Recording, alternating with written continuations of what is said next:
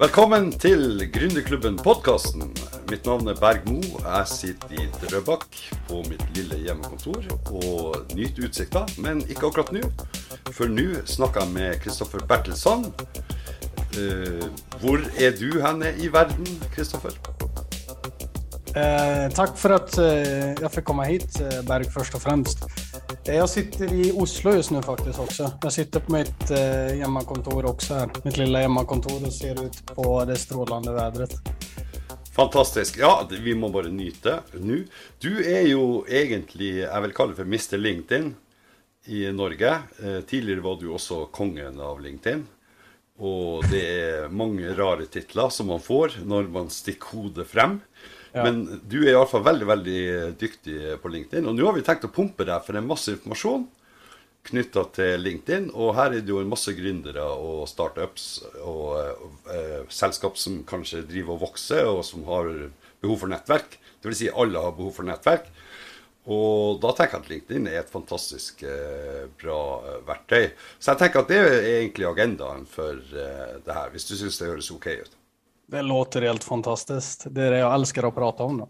Ja, jeg hadde en liten mistanke om det, for å si det mildt. Vi har jo, vi har jo møttes x antall ganger. Ja. Eh, jeg tror Første gangen vi møttes, tror jeg at jeg var nest størst på LinkedIn, som vi sa i, i gamle dager. Altså hadde jeg var den som hadde, eh, liksom, var nummer to i forhold til antall kontakter. Nå er ikke antall kontakter så viktig lenger på LinkedIn, eller hva, hva tenker du? Eh en antal kontakter kan vara bra, då, men det är mer kvalitet. Det stämmer det du säger, Berg. Det är viktigt med kvalitet, engagemang. Eh, det är ju, alltså det finns ett fint ord i eh, sociala medier, eh, vanity metrics. Eh, och detta börjar också komma till LinkedIn väldigt mycket nu faktiskt, som är intressant. Eh, men samtidigt Alltså det är alltid bättre att ha ett större nätverk än att inte ha någonting alls. Då. Så det är, men sen kan du utveckla detta vidare till att skapa mer kvalitet. Um, så det beror på lite vilken, i vilken kontext det är. Ja. Nei, altså, jeg har jo brukt LinkedIn eh, väldigt veldig mye. Og jeg vil si at det er de her eh, toppkontaktene som jeg har fått, som har gitt veldig mye resultater også. Eh, F.eks. engleinvestorer i eh, i Silicon Valley, eh, sentrale folk i New York. Jeg har også møtt eh, veldig spennende folk i Norge gjennom LinkedIn. Men det er liksom, jeg vil si, eh, topp eh, 20-gjengen eh, på en måte i forhold til industri, da, som jeg har fått definitivt mest ut av. Så man skal kanskje være litt sånn bevisst på hva man rekryterar. rekrutterer. Men ok, nå skal vi snakke litt om eh, LinkedIn litt mer i detalj. Altså, Hvis man skal eh, lage en strategi Jeg mener at det er bestandig greit å ha en strategi før man kjører i gang noe. Eh, hvordan skal man tenke da i forhold til LinkedIn? Alltså, eh, det första, det är precis som du säger, alltså, vi får tag på väldigt högkvalitativa personer på LinkedIn. Eh, det är ju det som gör den här plattformen unik. Då. Det är karriärfolk, det är folk som har inflytelse, folk som har större nätverk. Eh, och när vi kommer tillbaks till en LinkedIn-strategi, alltså LinkedIn är i grund och botten, alltså sen det startade i 2002, det är den äldsta sociala medieplattformen som, ex, som har existerat. Då. Eh, det de startade plattformen på det är ju nätverksbyggande. Eh, och det är just de tre graderna av kontakterna vi har på LinkedIn också. Så det jag rekommenderar när man ska tänka på sin LinkedIn-strategi, det är att tänka på okej, okay, eh, vad är det jag vill åstadkomma först? Är vi en startup? Okej, okay, vi, vi vill sälja till andra företag till exempel, eller vi vill samarbeta och hjälpa dem med vår tjänst. Okej, okay, vad är det för typ av tjänster vi levererar? Vi säger att det är vi gör teamutveckling. Jag brukar ta teamutveckling för det är ett rätt så lätt exempel. Då är det oftast HR-personer och olika typer av ledare i de här bedrifterna. Så då blir din LinkedIn-strategi helt enkelt, det går tillbaks egentligen till samma principer som i marknadsföring. Då. Vem är din målgrupp? Då? Vem är det du tränger att nå ut till eh, på LinkedIn? Och I detta fallet så är det också i nätverksbyggningssyfte, för vi kan gå rakt till de här HR-personerna och Alltså eh, finna ett samarbete för att hjälpa till med deras teamutveckling till exempel. Men sen samtidigt också så kan vi ta det ett steg längre och tänka vem är det de här HR-personerna följer på LinkedIn till exempel? Vem är en tankeledare som vi kallar det i detta fältet? Och sen kan vi även lägga till de personerna och därigenom kan man också starta något samarbete till exempel. alltså, eh, som vi spelar in den här podcasten tillsammans. Eh, så det går tillbaka till nätverksbyggande. Det är där du borde lägga din strategi. Och detta gäller även om du har ett team och du vill bygga employer branding. Då. Eh, och få ut eh, dina kollegor på LinkedIn eller dina ansatta. Då. Så vem är det de tränger att nå ut till för att lyckas med LinkedIn? Så alla, det är det, det, är det första jag rekommenderar i en god LinkedIn-strategi. Ja. Jeg har jo vært veldig strategisk i forhold til hvem jeg har knytta kontakt med opp gjennom årene. Og det har jo i stor grad vært eh, engleinvestorer og, og eh, venture capital-folk. Og så har det vært eh, andre gründere, seriegründere egentlig, og folk som tilhører det her økosystemet innenfor entreprenørskap. Bare for å ta en liten story knytta til det, så skulle vi ha et event i 2007. Begynner å bli en stund siden føler at jeg har vært med på mye rart. og, eh, og, gjennom mange år. Og det vi gjorde da, det var at vi brukte LinkedIn for å skaffe deltakere til eh, et event som vi hadde i, eh, i Silicon Valley. Og det var et kapitalevent. Vi skulle få inn investorer til det. Og da hadde vi et fantastisk samarbeid med Innovasjon Norge. Og de skaffa 25 deltakere. Men jeg skaffa 25 deltakere uten å ha vært i San Francisco tidligere. Og bare ved å bruke LinkedIn, egentlig. Og jeg fikk det store gjennomslaget der med at jeg ble venn med viseadministrerende direktør i eh, Nasdaq. Som sa 'jeg kommer på eventet'. Og da, liksom, da brukte vi han som bjellesau og fikk en resten på det. Så jeg, jeg, tror at man skal være veldig sånn ja, bevisst i forhold til uh, det her. Og så er det jo det her med profil. ikke sant? Altså, eh, det er vel egentlig det første folk ser når de møter deg på LinkedIn. Det er jo det fotavtrykket du har der. Hva, hvilke innspill har du knytta til det? Ja, eh, profilen är egentligen... altså det, er, det är som du säger, det är ditt första intryck. Då. Och detta gäller också för din bedrift om du har ett team. Då. Oftast, alltså jag möter fler och fler ledare som liksom säger, jag går in på firmasidan på LinkedIn och går igenom deras profiler och ser och får en uppfattning över vad det är för typ av företag. Då. Så profilen är både viktig för dig och även för ditt team också. Eh, så det det handlar om då, det är ju att skapa rätt sorts intryck först. Och det intrycket vi vill ha på LinkedIn, det är det första intrycket i alla fall, det är professionellt. Sen kan vi gå mer personligt faktiskt och detta börjar bli en väldigt stor trend på LinkedIn just nu också. Ehm, så det jag rekommenderar det är se över din LinkedIn-profil. Vi har någonting vi kallar 80-20-regeln på din LinkedIn-profil. Och jag brukar säga, alltså jag har gått igenom så många LinkedIn-profiler nu. Ehm, så vi, alltså jag vet exakt, alltså några små enkla knep som du tränger för att få en topp 1% i eh, Skandinavien. Och det är liksom, det är några enkla saker. det första vi ser på det är faktiskt din profilbild. Mm. Och här har säkert alla som har hört talas om LinkedIn, liksom, ja, jag har hört att jag tränger att ha en bra profilbild. Men grejen är här också, det är att LinkedIn har infört en ny funktion då du kan dölja din profilbild för de som är utanför ditt nätverk.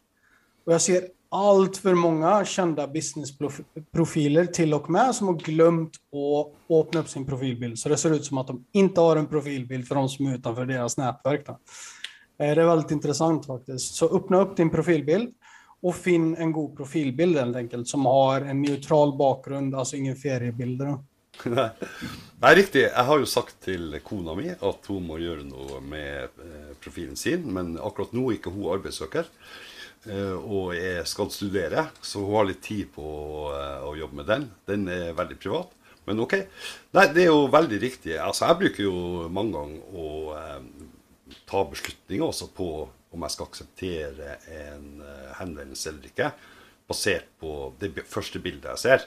Altså når man har eh, 20-30 invitasjoner på morgenskvisten, og man skal gå gjennom dem, så er det ikke bestandig at man uh, har tid å gå inn og se på hver enkelt profil. Men med en gang man ser at det er bra bilder der, så er det veldig fort å akseptere den invitasjonen også. tenker jeg. Så det er jo veldig, veldig gode, gode innspill. Og det her er jo et veldig stort nettverk. altså LinkedIn er jo et vanvittig stort nettverk. Jeg vet ikke hvor mange er på LinkedIn akkurat nå? Nå er det 833 millioner på prikken, faktisk. Oi, akkurat. Ja, da er det jo litt å ta av, for å si det rett ut. ja. Så hvordan finner man de her folkene som man er interessert i å uh, komme i kontakt med? da? Alltså det är detta som är grejen med LinkedIn också. Och det här är, alltså det är eh, simpelt, men det är undangömt. Eh, för du har sökfilter på LinkedIn. Du har ett vanligt sökfält och vi kan skriva in liksom eh, HR-chef till exempel. Grejen är att om du går ett steg djupare, om du gör ett tomt sök först på LinkedIn, då kommer du till en ny meny då du kan se över, eh, då du kan välja att söka efter personer, eller grupper, eller firmor, eller innehåll också faktiskt. Men om vi går in på personer där och vi trycker på en knapp som är där, som heter alla filter. Då får vi upp väldigt goda filtreringsmöjligheter faktiskt. Och detta är i gratisversionen av LinkedIn. Liksom. Mm. Då kan vi söka på geografisk placering, vi kan söka på branscher, och vi kan söka på titlar. Och vi kan även söka på olika tjänster som tillbys av de här bedrifterna. Men de tre, alltså för att skapa ett optimalt LinkedIn-sök och finna de här kontakterna så är det de tre kriterierna jag brukar rekommendera. Alltså geografisk placering, eh, titel och sen om vi tränger spissar ännu mer eh, så går vi på branscher. Och de tre kriterierna kan vi skapa alltså extremt bra nätverksbyggnings, potentiella nätverksbyggningslistor för dem. Mm. Bra, ikke sant? Nei, ja, det er jo veldig fascinert av eh, uh, søkemulighetene i, i, LinkedIn. Og jeg er litt sånn, jeg pendler litt mellom betalt uh, LinkedIn-medlemskap og den gratisversjonen. Det er alt ettersom hvor gira jeg er. Det er litt sånn uh, eh, jeg, jeg, tar og abonnerer på stream når det er Premier League. Og så avslutter abonnementet når sesongen er over. Da vet jeg at jeg sparer eh, liksom 2000 kroner til sesongen starter igjen. Og det er litt ja. sånn på, på, LinkedIn også. Men hva tenker du der? Har man egentlig behov för det, det här premiumabonnemanget egentlig? Alltså i nätverksbyggningssyfte, eh, och detta nätverksbyggande är ju någonting vi kan alltså, ta del av när vi har en startup eller vad vi nu än skulle vilja, om vi söker jobb till exempel, eller om vi har en ledare som vill ha mer kompetens. Då. Så i nätverksbyggningssyfte, faktiskt de tre kriterierna, de brukar ofta sträcka i 95 procent av caserna. Men sen har vi också när vi går efter eh, bedriftsstörelse. Och det är detta du får i det som heter Sales Navigator, som är ett eget eh, premiumkonto för SALG. Då. Då får du flera kriterier där och då kan du också gå på olika nivåer i bedrifterna. Speciellt i vissa B2B-salsprocesser kan detta vara eh, relevant för det är mer komplext. Och sen har vi också premium för rekrytering. Då kan det vara, för rekryterare så är det faktiskt värdefullt. Ja. Eh, och sen är det en sak också på gratiskontot. Det är att du kan inte se alla som varit inne på din profil. Du kan bara se de tre till fem senaste. Då tränger du ett premiumkonto för att låsa upp alla. Och det är en bra måte att ta kontakt på när folk har varit inne på din profil. Men du tränger inte ha det liksom. Alltså, jag brukar mestadels ett gratiskonto. Och allt, oftast när jag håller kurser, föreläser och så vidare, så allt jag lär ut, det tränger du faktiskt bara ett gratiskonto för. Och du kan få extremt bra resultat med ett gratiskonto genom att utnyttja den organiska räckvidden som ligger i LinkedIn. Ja. Det er også min erfaring. da, så Det er når jeg har intensive salgsprosesser, spesielt i forhold til B2B, mm. og også knytta til, eh, til misjoner, der jeg ønsker å digge litt dypere, eller eventer, eh, så bruker jeg å koble inn premium. og Så kjører jeg premium en måned eller to, og så nedgraderer jeg igjen. og så, Sånn går dagene, på en måte. Ja, og så Det er jo mange som bruker LinkedIn til markedsføring. altså betalt markedsføring og ikke betalt markedsføring. Forskjellige varianter. Hva, hva tenker du rundt det? Er det noe du bruker sjøl? Dagligen nästan. Ja. Men det är faktiskt det är inte så många som brukar alltså, den eh, organiska räckvidden, alltså den räckvidden vi kan få helt gratis. LinkedIn ligger ju på topp av plattformar som du får mest organisk räckvidd på just nu. Facebook är ju helt dött. Eh, Instagram är nästan, om du använder reels så är Instagram bra faktiskt. Och sen har vi ju TikTok till exempel. Men LinkedIn ligger på topp där. Eh, och det det handlar om då, det är ju att lägga ut på din personliga profil faktiskt. Och det märker vi också när vi är inne på LinkedIn, det är ofta samma personer vi ser. Och det är för att endast, alltså det är mindre än 4 miljoner, 5 miljoner tror jag det är cirka, som lägger ut ukentlig på sin eh, personliga profil i flödet på LinkedIn. Så det är mindre än 1% av brukarna som gör detta. Så Oj. det är massor att gå på här då. Det var ju, det var ju väldigt intressant tal då. Och så då, skjøn, då ska jag ge gas igen. Kör på. Äh, där igen så är jag lite sån av och på. Men det var väldigt intressanta tal. Det var jag faktiskt inte klar över alltså. Det är, det är väldigt intressant. Men jag tror det största är på grund av att LinkedIn är ju en professionell plattform. Tärskeln är väldigt hög för att lägga ut innehåll. Folk är väldigt försiktiga där. Och, eh, men det handlar om att kunna bryta igenom det. Och vi har ett, en innehållstyp vi kallar för dokumentering till exempel som är superenkel. Eh, som vi har utvecklat. Då. Och det är helt enkelt att vad sker under din professionella vardag? Då? Är du på någon intressant kurs, på något intressant event? Träffar du någon intressant person? Eh, Alltså lägg ut detta på LinkedIn. Liksom, ta en bild ifrån det. Ta en selfiebild. Faktiskt så funkar det väldigt bra på LinkedIn. Förvånansvärt bra. Mm. Och jag gör, alltså, jag gör detta med alltså, tunga businessledare. Liksom. Ja. Eh, ta en selfie nu. Och så pushar man dem. Och så lägger de ut det. Och så får de effekten ifrån det och ser verkligen hur bra det är. De får business ifrån det också. Mm. Eh, så det är värdefullt. Då. Det är värdefull, syn, värdefull synlighet. För din LinkedIn-profil kommer marknadsföra för det också. Då. Mm. Eh, så det, dokumentering är väldigt enkelt. Och det är också en professionell kontext, för du lägger ut saker som du gör professionellt. Eh, och något vi också kan göra är att skryta upp andra, till exempel. Och grejen är, engagera dig på LinkedIn också. När du likar och kommenterar, då får du faktiskt också synlighet, för det syns för ditt nätverk. Och detta är unikt med LinkedIn. Mm. Den spridningen, den, den, går från nätverk till nätverk.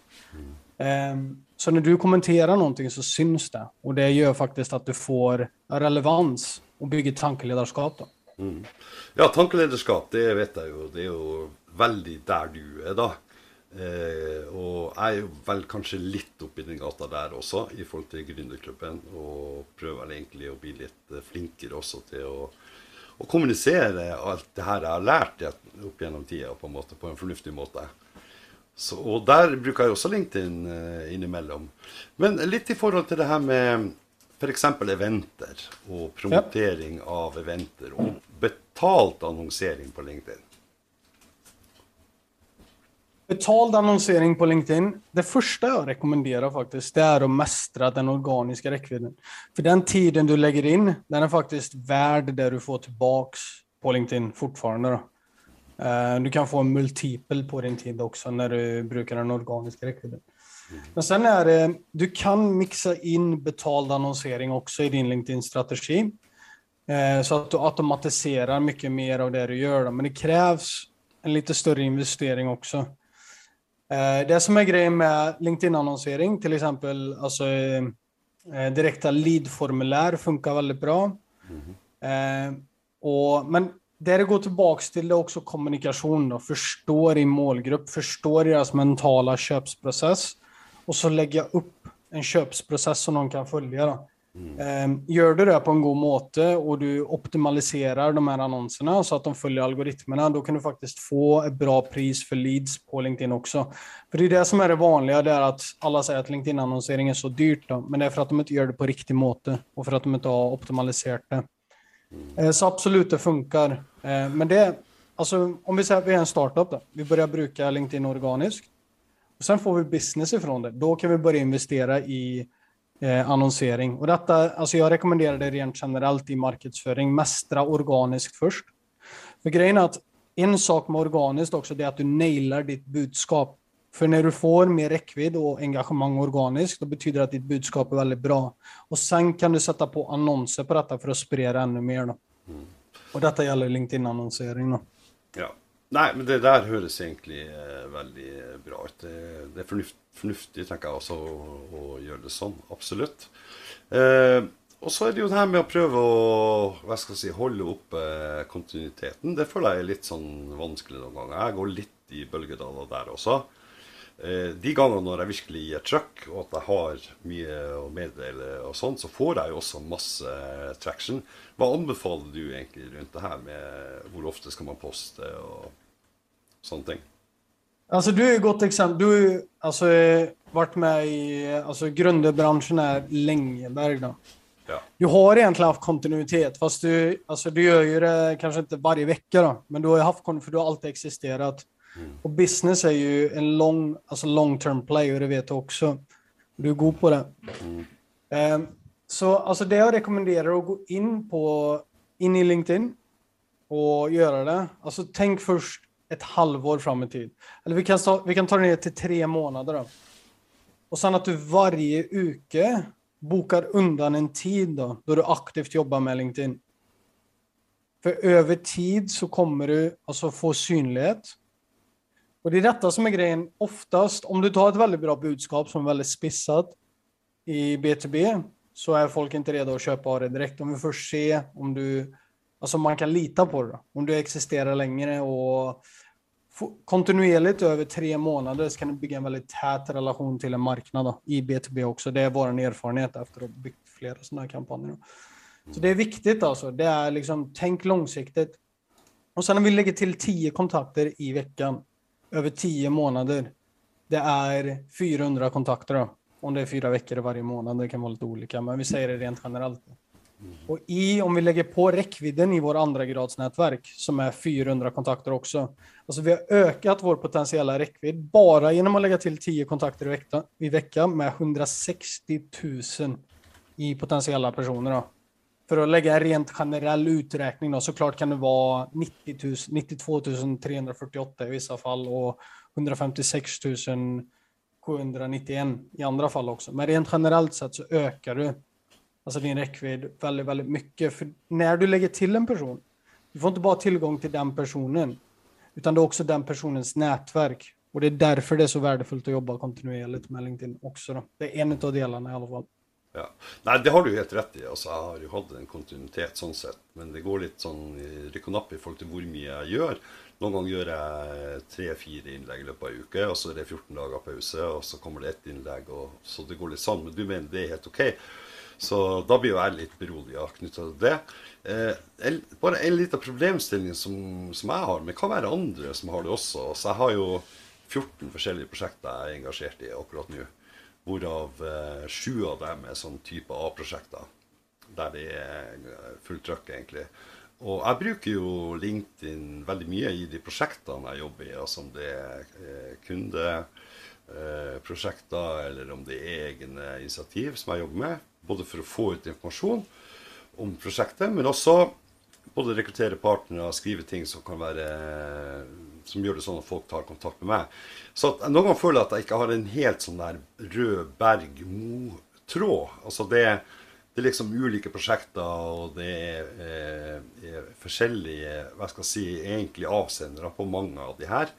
Mm. Eh, det er en problemstilling eh, så lenge jeg holder meg innafor det her med entreprenørskap og, og engleinvestering, vil jeg egentlig si, er, på investorsida.